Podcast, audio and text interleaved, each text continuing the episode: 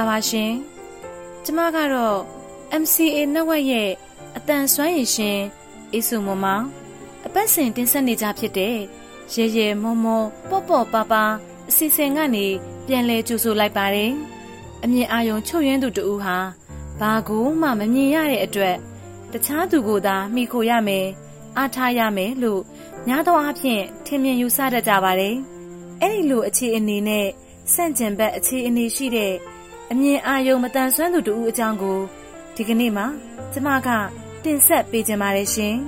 ဒီအစီအစဉ်လေးကို နားထောင်ပြီးသွားတဲ့အခါမိတ်ဆွေတို့အနေနဲ့စိတ်ခွန်အားတက်ကြွမယ်စူးစမ်းလုပ်ကင်ခြင်းစိတ်တွေ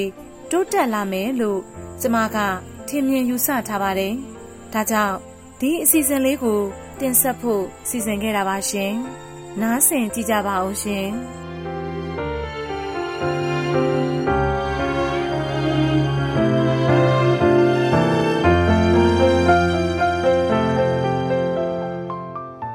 မင်္ဂလာပါခင်ဗျာ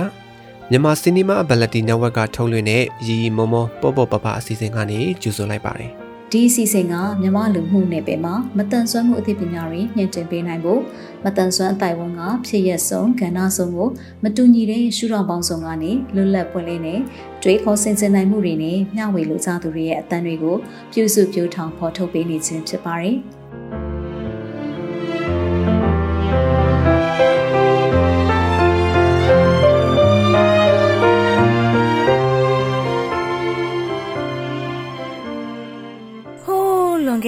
10နှစ်ကျော်ကာလကျမဂျာနယ်တိုက်တစ်ခုမှာအလုတ်ဝင်ကစားကပေါ့ကျမအလုတ်လုတ်တဲ့ဂျာနယ်တိုက်ကအပတ်စဉ်အင်္ဂါနေ့မှာဂျာနယ်တစ်စောင်တောက်ကြနေ့မှာဂျာနယ်တစ်စောင်ထွက်ပါတယ်ကျမတို့မန္တလေးရုံးခွဲအတွက်ဂျာနယ်ခွဲတန်းကိုရန်ကုန်ရုံးကနေထွန်းဦးစာပေကိုပို့ပေးပါတယ်ဂျာနယ်ထွက်ရက်ဆိုရင်ထွန်းဦးစာပေကို ကျမတို့ဝန်ထမ်းတွေကအလှည့်ကျသွားပြီးဂျာနယ်ယူရပါတယ် မန္တလေးရုံးခွဲလို့ရေးထားတဲ့ဂျာနယ်တုပ်ကိုရှာပြီးယူပြီးရင်ဂျာနယ်အချက်ပိုတွေကိုရေတွက်ပေးနေတဲ့လူကြီးစီကနေတောင်းယူရပါတယ်အချက်ပိုကကြတော့မန္တလေးမြို့မှာပဲရိုက်တာပါကျမတို့ဂျာနယ်သွားယူတိုင်းအချက်ပိုတွေကိုအဲ့ဒီလူကြီးကပဲရေတွက်ပေးနေတာပါနောက်ကြမှာတဖြည်းဖြည်းသိလာရတာက သူကစိုင်ပိုင်ရှင်နာမည်ကဦးထွန်းဦးတဲ့ပိုပြီးအံ့ဩဖို့ကောင်းတာကဒီလောက်များတဲ့စာဆောင်တွေ ဂျာနယ်တွေကြားမှာဂျာနယ်ရောင်းဖို့လားယူတဲ့လက်ပွေရောင်းသူတွေအတွက်ဘဲစာဆောင်ရဲ့အချက်ပိုးဆိုပြီးရေတွက်ပေးနေတဲ့ဦးထွန်းဦးကမျက်စိနှစ်ဖက်မမြင်ပါဘူးတဲ့ရှင်။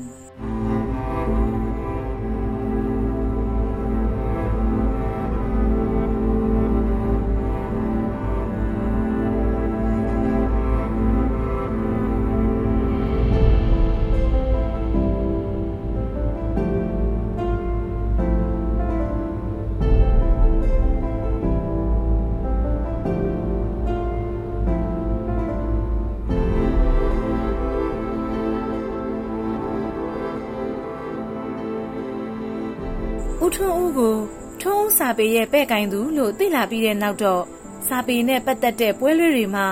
သူ့ကိုတွေ့တဲ့အခါမှတ်မိလာပါတယ်။ဒါပေမဲ့လည်းအမှတ်တမဲ့ပါပဲ။သူ့အကြောင်းရေးထားတာလေးတွေဖတ်ဖူးပေမဲ့လည်းကိုနဲ့ဓာတ်ရိုက်ကြုံဘူးတာမဟုတ်တာရဲ့ခင်မင်ရင်းနှီးတာမဟုတ်တာရဲ့ဆိုတော့အမှတ်တမဲ့ပါပဲ။ကျမတို့မန္တလေးမှာစာပေနဲ့အမှုပညာရှင်တွေစုပေါင်းပြီးတစောင်းမုံလာဆိုရင်ကထိန်ခင်းလေးရှိပါတယ်။တနှစ်တခါခင်းတာပါ ယဟန်စာဆိုဖြစ်တဲ့ဆရာတော်ကျောင်းထိုင်တဲ့ကျောင်းကို ကထိန်ခင်းလှူဒန်းပါတယ်အဲ့ဒီလိုကထိန်ခင်းခြင်းနဲ့ညဆိုရင်မန္တလေးမှာရှိတဲ့စာပေနဲ့သတင်းနယ်ပယ်ကလူငယ်အဖွဲ့ကအငိမ့်ကပြဖြော်ပြပါတယ်စပြီးကကြတော့ကတော့အငိမ့်ခမ်းပါပဲနောက်နှစ်ကျတော့တခန်းရဲ့ဟာတာပြက်ဆက်လေးတိုးလာပါတယ်နောက်ပိုင်းတချင်းဆိုခြင်းသူတွေရှိလာတော့တေဂီတာအစီအစဉ်လေးလည်းပါလာပါတယ်ရင်းကမဲ့သူတွေကလည်း ဖြောပြခြင်းကြတယ်လေတစ်နှစ်ထက်တစ်နှစ်အငိမ့်ကပိုပြီးမြိုင်းဆိုင်လာတယ်ပေါ့တစ်နှစ်မှတစ်ခါဆိုတော့အငိမ့်ကမဲ့သူတွေကလည်းပျော်ပျော်ပါပါကြည့်ရမယ့်သူတွေကလည်းတစ်နှစ်တစ်ခါကြည့်ခြင်းချင်းမကြည့်ခြင်းချင်းတိတ်ညစ်ခံအားပေးရတာပါပဲကို့အရက်နဲ့ကို့ဇက်ဆိုသလိုကြည့်တဲ့သူတွေကလည်းစာပေနယ်ပယ်ကများသလိုကပြဖြောပြတဲ့သူတွေကလည်းစာပေနယ်ကဆိုတော့စွတော်ငွေတွေကလည်းချက်ရသေးတာ တခုတော့ရှိတာပေါ့ပွဲရက်မတိုင်ခင်ကြိုးပြီးဒီနှစ်မှာအငိမ်ကန်းပါတယ်လာပြီးအားပေးပါအောင်စုလဲချပါအောင်ဆိုပြီးဇွတ်မတောင်းယုံတမဲရင်းနှီးသူတွေကိုပြောကြတာပါပဲဒါကိုကပြောစရာတစ်မျိုးပဲလေ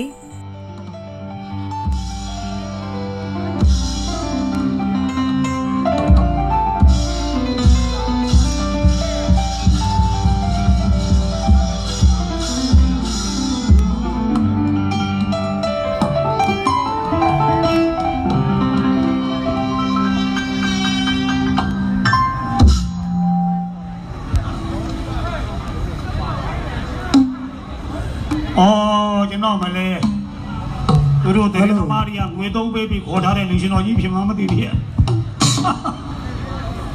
ဘယ်လောက်ပဲထားအောင်ဗျအကြခွဲညားလိုက်လားအဲ့ဒါကိုစစ်နေသေးတာဟယ်လိုတနေ့ကဲမှတခါဒီနေ့ထဲမှာတခါတနေ့ကမှတခါဒီမှာတခါတော့မြတ်စွာဘုရား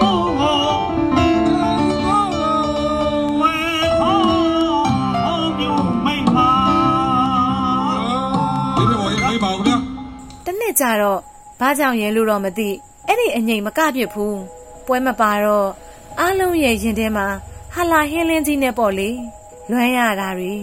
ကျမဆိုရင်အငိမ်မှာဟိုနေရာလဲပါဒီနေရာလဲပါငါပြီးရင်ငါကနေတာဆိုတော့ပို့ပြီးလွမ်းရတာပေါ့ပွဲများပါရင်လေဟဲခါတိုင်းနှစ်ဆိုဒီအချိန်မိတ်ကပ်လိမ့်နေကြပြီဇက်ခုံကဘလို့ပြင်ဆင်နေပြီဇက်ဆရာကလည်းသူ့လူတွေသူစော်ဩနေပြီဆိုပြီး အလုံးကလွမ်းနေကြတာပေါ့အဲ့ဒီလိုလွမ်းနေသူတွေထဲမှာဦးထွန်းဦးလဲပါတယ်တဲ့သူကအငိမ့်တအားကစေချင်တာဒီလိုတွေဖြစ်အောင် သူကအမာခံမတီးပေးတာလို့တယောက်ကပြောလဲပြောလိုက်ရောကျမတို့ကိုတစ်ချိန်လုံးအားပေးလာတဲ့အမာခံပြိသက်ကြီးပါလားဆိုပြီးကျမစိတ်ထဲဦးထွန်းဦးကိုမှတ်မှတ်ရရရှိသွားတာပါပဲ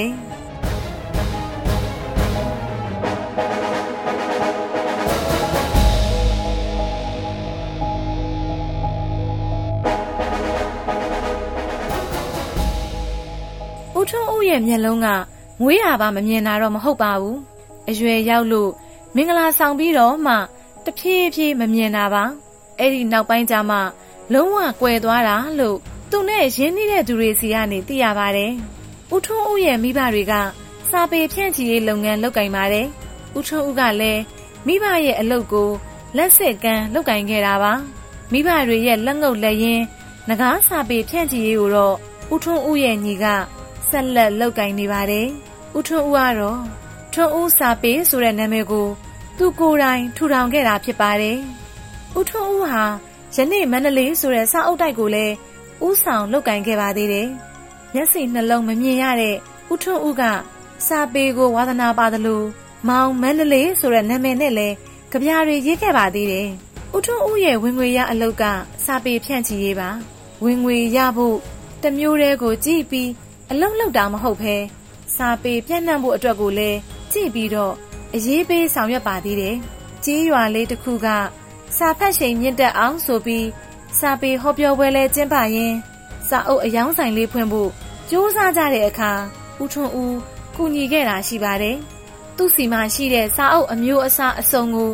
ကြိုက်ရာယူစေတယ်။မယောင်းရတဲ့စာအုပ်တွေပြန်အပ်တာကိုလည်းလက်ခံတယ်။ရောင်းပြီးမှစာအုပ်ဖိုးတွေရှင်းပေါ့။ ဒါကိုကြည့်ချင်းအဖြစ်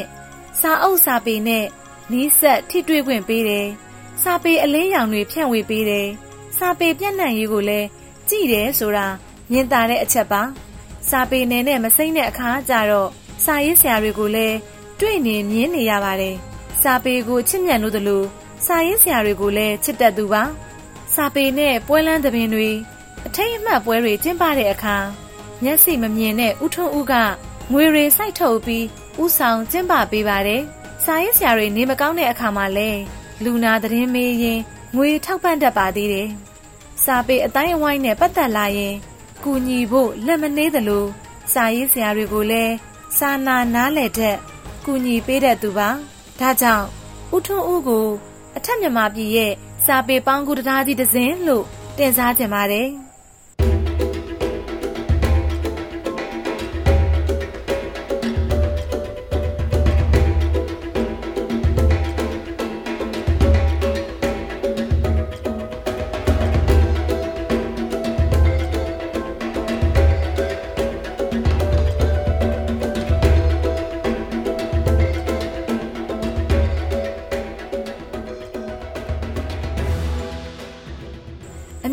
ယုံအားနည်းပေမဲ့တောတာအာယုံအလွန်ကောင်းသူမှတ်ဉဏ်စွမ်းအားကြီးသူဟာတဉဏ်ရှင်ပြီးပုံတို့ပတ်စပြောနိုင်သူမန္တလေးကိုတန်ရောစင်ကြီးသူမန္တလေးစာပေအမှုပညာကိုချစ်မြတ်နိုးသူစီမံခန့်ခွဲနိုင်စွမ်းရှိသူလို့ဦးထွန်းဦးနဲ့အလွန်ရင်းနှီးသူစာရေးဆရာမောင်ရဲຫນွေပလိတ်ကမှတ်ချက်ပြုပါတယ်။မျက်စိနှစ်ဖက်စလုံးမမြင်ရတဲ့ဦးထွန်းဦးကလူမှုရေးလုပ်ငန်းတွေမှာလဲ တောင်းစိတ်အောင်စီစဉ်နိုင်သူလို့ပြောရင်ဟုတ်ပါမလားလို့ထင်ကျင်စရာနော်။ဒါပေမဲ့ဦးထွန်းဦးကတိတိကျကျနဲ့ကွက်လက်မကြမ်းအောင်ဥဆောင်နိုင်ခဲ့တာပါ။သူမပါရင်ပွဲမစီဘူးဆိုသလိုသူပါဝင်ဆောင်ရွက်ခဲ့တဲ့ပွဲအခမ်းအနားတွေလည်းရှိပါတယ်။မန္တလေးနှစ်150ပြည့်ပွဲတော်မမေ့တဲ့နဲ့စာပေနဲ့အမှုပညာကျေးဇူးရှင်များကိုပူဇော်ပွဲ မန္တလေးစာပေအမှုပညာရှင်များရဲ့စာပေကထိန်ပွဲတက်ရင်စာစိုးတွေကိုပူဇော်ပွဲအဲ့ဒီလိုပွဲခမ်းနားတွေမှာလည်းဥဆောင်လောက်ကင်ပေးသူလို့စာပေအတိုင်းဝိုင်းကလူတွေကမှတ်ချက်ပြုပြောဆိုကြပါတယ်။မန္တလေးအသင်းရန်ကုန်စိတ်အောင်စု activities ဒီလိုအသင်းအဖွဲ့တွေမှာလည်းအဓိကကျတဲ့အခန်းကဏ္ဍကနေပါဝင်ပါသေးတယ်။နာမကျန်းဖြစ်တဲ့စာပေအမှုပညာရှင်တွေကိုလူမှုကူညီရေးဆိုပြီးလုပ်တဲ့ အစီအစဉ်ရဲ့ပဲ့ကင်ရှင်လို့လည်းပြောလို့ရပါတယ်။ဦးထွန်းဦးဟာမျက်စိမြင်တဲ့သူတွေထက်ပိုပြီးလှုပ်ပိနိုင်တယ်လို့စွမ်းဆောင်နိုင်တာလဲအတော်ကိုများတဲ့သူပါ။ဘဝမှာငါမလုံနိုင်ဘူးလို့ထင်မြင်လာတဲ့အခါစိတ်ဓာတ်တွေကျတဲ့အခါမတန်ဆွမ်းသူတွေကိုကြည့်ပြီးကျမခွန်အားတွေပြန်ယူပါတယ်။ဒီလိုအတွေ့ဒီလိုစိတ်ဓာတ်ကအခုမှမဟုတ်ပါဘူး။ကျမ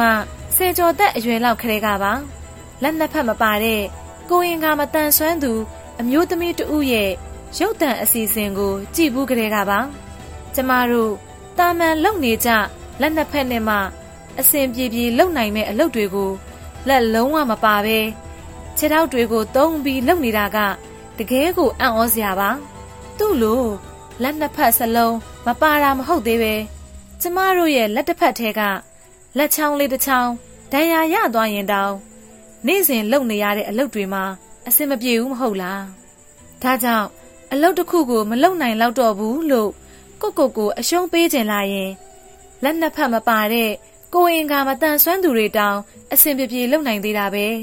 ကျမရောလုပ်နိုင်ရမှာပေါ့လို့တွေးရင် အာယူရပါတယ်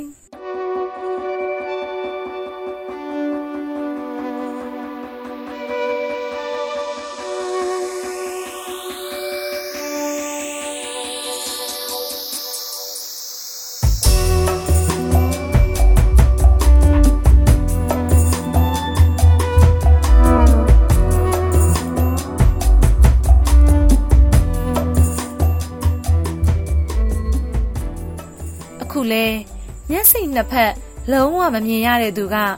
သူတစ်ပါးကိုမမိခိုပဲအသက်မွေးဝမ်းကြောင်းအလုပ်ကိုလုပ်နေတဲ့အပြင်စာပေအရေးဘာသာရေးလူမှုရေးအရာရာကိုဥဆောင်ဥရွက်ပြုနိုင်တာအများအတွက်စဉ်းစားတွေးခေါ်ပြီးလုပ်နိုင်တာတွေကမတန်ဆွမ်းသူတွေသာမကတန်ဆွမ်းသူတွေအနေနဲ့လဲအတူယူစရာပါဒါကြောင့်ဥထွန်းဦးကိုခိုင်မာတဲ့တမဏိစိတ်ဓာတ်ရှိသူလို့တင်စားကြပါတယ်။ ဦးထွန်းဦးဟာလွန်ခဲ့တဲ့နှစ်နှစ်ကျော်လောက်ကစပြီးလေဖြတ်ဝေဒနာကိုခံစားနေရပါတယ်။မထနိုင်မသွားနိုင်ပဲအိယာပေါ်မှာပဲလှဲနေရပါတယ်။ဒါပေမဲ့လည်းသူချစ်တဲ့သူတွေစာပေအပေါင်းအသင်းတွေစာရေးဆရာတွေမိတ်ဆွေတွေကိုတော့တတိယ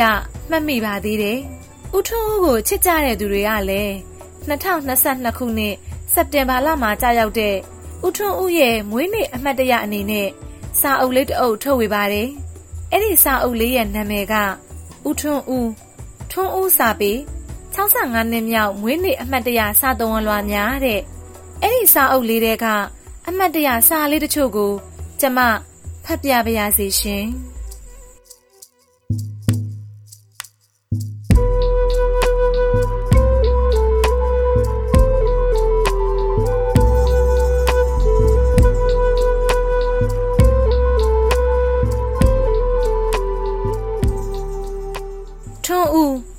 ဟုတ်နှလုံးသားနဲ့ကြည်မြင်တတ်သူမန္တလေးတကယ်တော့အထက်မြန်မာပြည်တစ်ခုလုံးစာပေနဲ့ပကြီးပပုအနုပညာနယ်ပယ်ရဲ့လှုပ်ဆောင်ချက်တွေကကထိန်စတဲ့စုပေါင်းကုသိုလ်ပွဲတွေတည့်ရင်စာဆိုတို့ကိုပူဇော်ပွဲမမေ့တဲ့နဲ့စာပေနဲ့အမှုပညာကျေးဇူးရှင်များကိုပူဇော်ပွဲနှစ်စဉ်မန္တလေးလက်ရာပကြီးပပုများနဲ့တာတာနာနာပြက်ကလေးကြီးတစ်ခုပုံမှန်ပေါ်ထွက်ရေးအပါအဝင် အတော်လေးတောင်းဆောင်သလောက်တောင်းလဲစေပါတယ်။ဒါတွေအားလုံးကိုကွက်လက်မကြံအောင်စီစဉ်တဲ့အဓိကမောင်းနှင်အားလဲဖြစ်တဲ့ပုံကူကမျက်စိနှစ်ဖက်လုံးမမြင်ဘူးဆိုရင်ယုံနိုင်စရာမရှိသလိုဒါတွေကိုတောင်းစိအောင်အဓိကမောင်းနှင်စီစဉ်နေသူဟာထွန်းဦးစာပေရဲ့ပဲ့ကိုင်ရှင်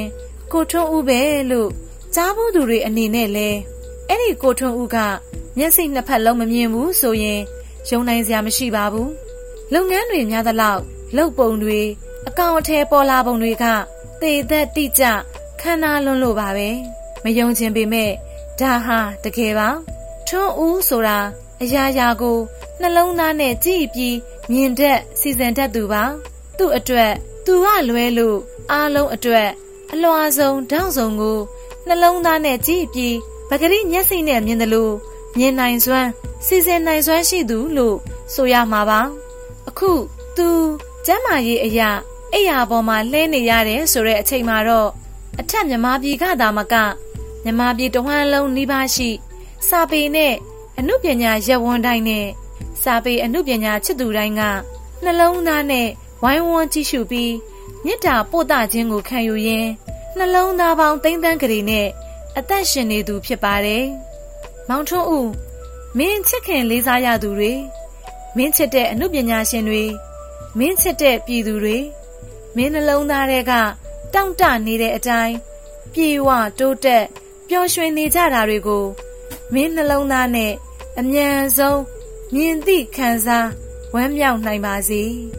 ဓမ္မဘေရီ အရှင်ဝရိယတူမောင်းတိုက် အမရဘူရ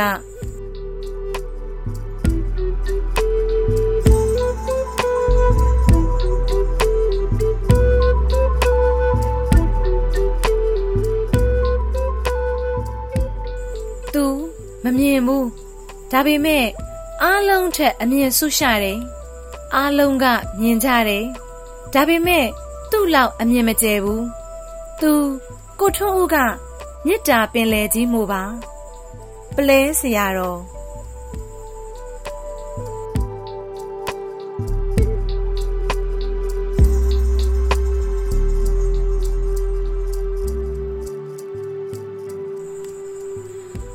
ဖုံဖုံကမျက်မမြင်ဆိုတော့ကိုဘဝနဲ့ကိုက်ညီတဲ့ဘဝခံယူချက်ခိုင်ခိုင်မြဲမြဲရှိတယ်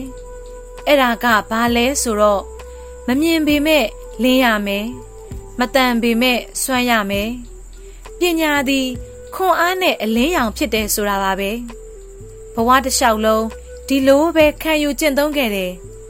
ယနေ့မန္တလေးစာပေအဝန်းအဝိုင်းမှာအများကချစ်ခင်ပြီး လေးစားကြတဲ့ဦးထုံးဦးဟာမမြင်ပေမဲ့အုံနောက်ညံစွမ်းရည်တွေနဲ့တဘာဝအလင်းလောကအလင်းဆောင်နေသူအဖြစ်တွေ့ရတော့ဝမ်းမြောက်တာဓုခေါ်ဆိုရပါတယ်65နှစ်ပြည့်မွေးနေ့မှစ၍ဘဝတလျှောက်ပညာဓမ္မဒနကုသိုလ်ချမ်းသာဖြင့်ရှောက်လန်းနိုင်ပါစေဆရာတော်ဦးညေးရပရဟိတမျက်မြင်ဘတ်ဆောင်ပညာသင်ကျောင်းပြင်ဦးလွင်မြို့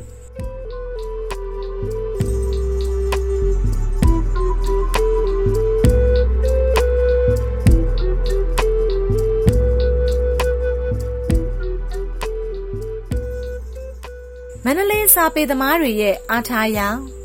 စာပေသမားအားလုံးကို အကူအညီပေးသူမန္တလေးစာပေအမှုပညာရှင်များလူမှုကူညီရေးအသင်းရဲ့ပဲ့ကိုင်းစာပေညီနောင်များနဲ့တွေ့ရင်ဟာတညံရွှင်စွာနဲ့တီးတိုးပုံမြင်ကောင်းတွေပြောတတ်သူသူသူကတော့ကြပြားဆရာကလောင်အမီမောင်မန္တလေးသို့မဟုတ်ကျွန်တော်တို့ချစ်ရတဲ့ကိုထွန်းဦးပါ65နှစ်ပြည့်မွေးနေ့မှသည် အရင်ပုံစံအတိုင်းတက်ရှည်ကျမ်းမာလို့လန်းဆန်းပါစေပြည့်ဖြိုးသည်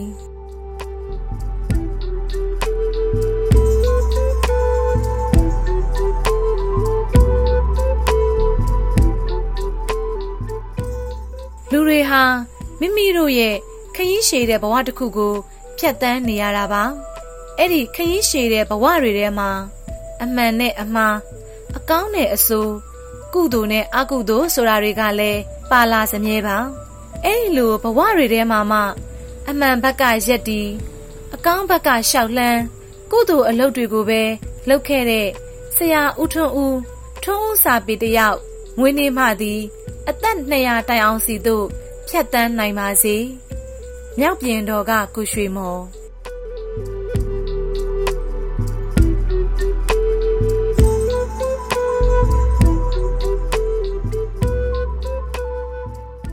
ကိုထွန်းဦးစိတ်ထားကောင်းတယ်တပားသူကိုအားဖြစ်စေတယ်အဖွဲအစည်းတင်းပင်းတွေမှာအားထားရတယ်မန္တလေးအနှစ်150မန်းစာပေဘုံကထိန်စိမ်းရောင်စုမန္တလေးအသိရန်ကုန်စသည်စသည်အဆုံဆုံအဖုံဖုံအားထားရတဲ့သူမမြင်ဆန်းပေမဲ့အမြင်ကျဲသူသူဟာကျွန်တော်တို့ရဲ့အဘိဓမ္မှတ်စုဟင်းလေးအိုကြီးစိတ်သက်အရာဆန်ထားရသူ အသက်ရှည်အနာမဲ့ ကျမ်းမာပျော်ရွှင်နိုင်ပါစေမင်းထက်ငိမ့်ချမ်း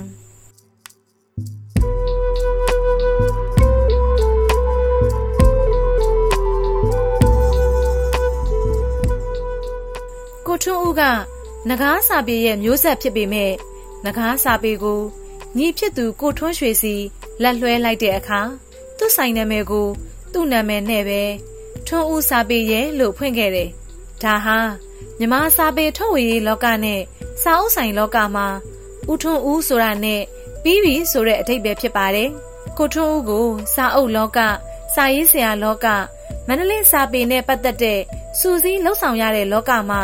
မိတ်ဆက်ပေးစရာမလိုတဲ့သူဖြစ်ပါတယ်။ကိုထွန်းဦးဟာကို့နာမည်ကိုဂုံယူပွဲရာထူထောင်ခဲ့သူဖြစ်ပါတယ်။ဆိုပါတိုင်း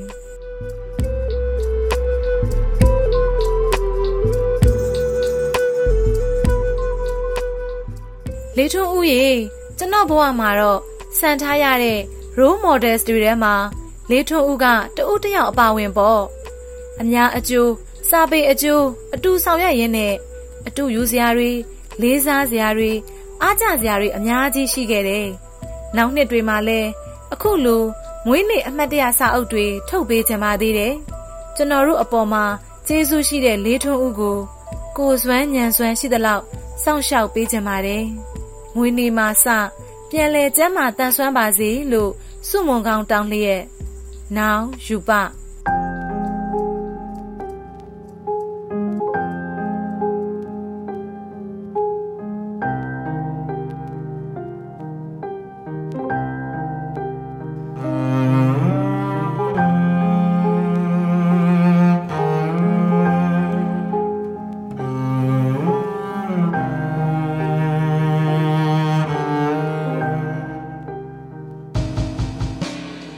ထွန်းဦးထွန်းဦးစာပေ65နှစ်မြောက်မွေးနေ့အမှတ်တရစာသုံးဝလွားများဆိုတဲ့စာအုပ်လေးထဲမှာဦးထွန်းဦးကိုချစ်သူခင်သူတွေက ရေးတဲ့တဝွန်လွားတွေကအများကြီးပါအဲ့ဒီထဲကအနှဲငယ်ကိုပဲကျမကကောက်နှုတ်ဖတ်ပြပေးခဲ့တာပါရှင်အသက်အရွယ်ကြီးရင်လာလို့ယောဂါကြောင့်အိုမင်းမစွမ်းဖြစ်နေရသူဦးထွန်းဦးဟာလာမယ့်စက်တင်ဘာလဆိုရင် အသက်66နှစ်ပြည့်မွေးနေ့ကို ရောက်ရှိတော့မှာဖြစ်ပါတယ်။လက်ရှိမှာတော့ယောဂါကြောင့်အိပ်ရာထဲမှာနေနေရပါတယ်။သူအရင်လိုကျမ်းမာတန်ဆွမ်းလာဖို့လူမှုအကျိုးပြုအလုပ်တွေကိုလုပ်နိုင်ဖို့စာပေနဲ့ပတ်သက်တဲ့ပွဲတွေကို အတူသွားလာနိုင်ဖို့သူ့ရဲ့မိတ်ဆွေတွေကမျှော်လင့်နေကြပါတယ်။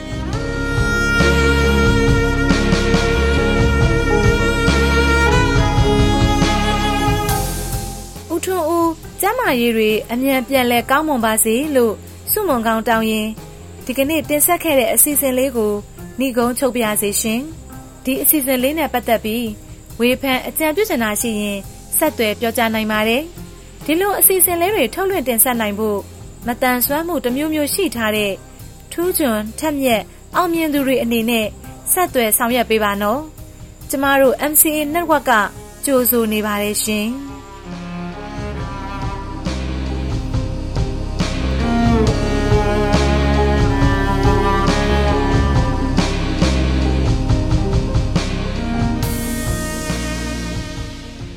ယခုအစီအစဉ်ကိုမိတ်ဆွေတို့အနေနဲ့အစအဆုံးနားထောင်ပြီးပြီဆိုရင်တော့မိမိတို့ရဲ့သဘောထားမှတ်ချက်များကိုပေးနိုင်ပါပြီနော်ဒီအစီအစဉ်နဲ့ပတ်သက်ပြီးမိတ်ဆွေတို့ရဲ့မှတ်ချက်ပေးခြင်းအကြံဉာဏ်ပေးခြင်းမေးမြန်းခြင်းတို့ကိုလည်းအထူးပဲဖိတ်ခေါ်ပါရစေမိမိတို့ရဲ့ပူပေါင်းတင်ဆက်မှုအတွက်ဒါမှမဟုတ်စုံစမ်းမေးမြန်းမှုအတွက်စိတ်ဝင်စားတဲ့ဆိုရင်တော့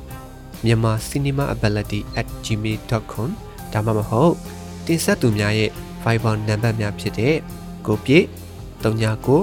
26 125 6493နဲ့မနွေ39 453939 6935တို့ကိုဆက်သွယ်ဆောင်ရွက်နိုင်ပါတယ်မိတ်ဆွေတို့အနေနဲ့ဒီအစီအစဉ်ကိုမသိသေးသူများသိဖို့လိုအပ်နေသူများမတန်ဆွမ်းရေးကိုမိမိတို့ရဲ့လုပ်ငန်းခွင်အသီးသီးမှာထည့်သွင်းဆောင်ရွက်ဖို့စိတ်ဝင်စားသူညီသူကိုမဆိုထပ်ဆင့်ဝေမျှပေးရေးသတင်းကောင်းပေးနိုင်ပါတယ်မြန်မာပြည်သူပြည်သားများအားလုံးမတန်ဆွမ်းမှုအသိပညာတွေတိုးပွားက ခွဲခြားဆက်ဆံမှုကင်းပြီးအားလုံးအကျုံးဝင်တဲ့လူမှုအတိုင်းအဝန်တစ်ခုကိုအမြန်ဆုံးဖော်ဆောင်နိုင်ပါစေလို့ဆန္ဒပြုရင်းဒီကနေ့အစီအစဉ်ကိုဒီမှာရင်ရန်နာပါရစေ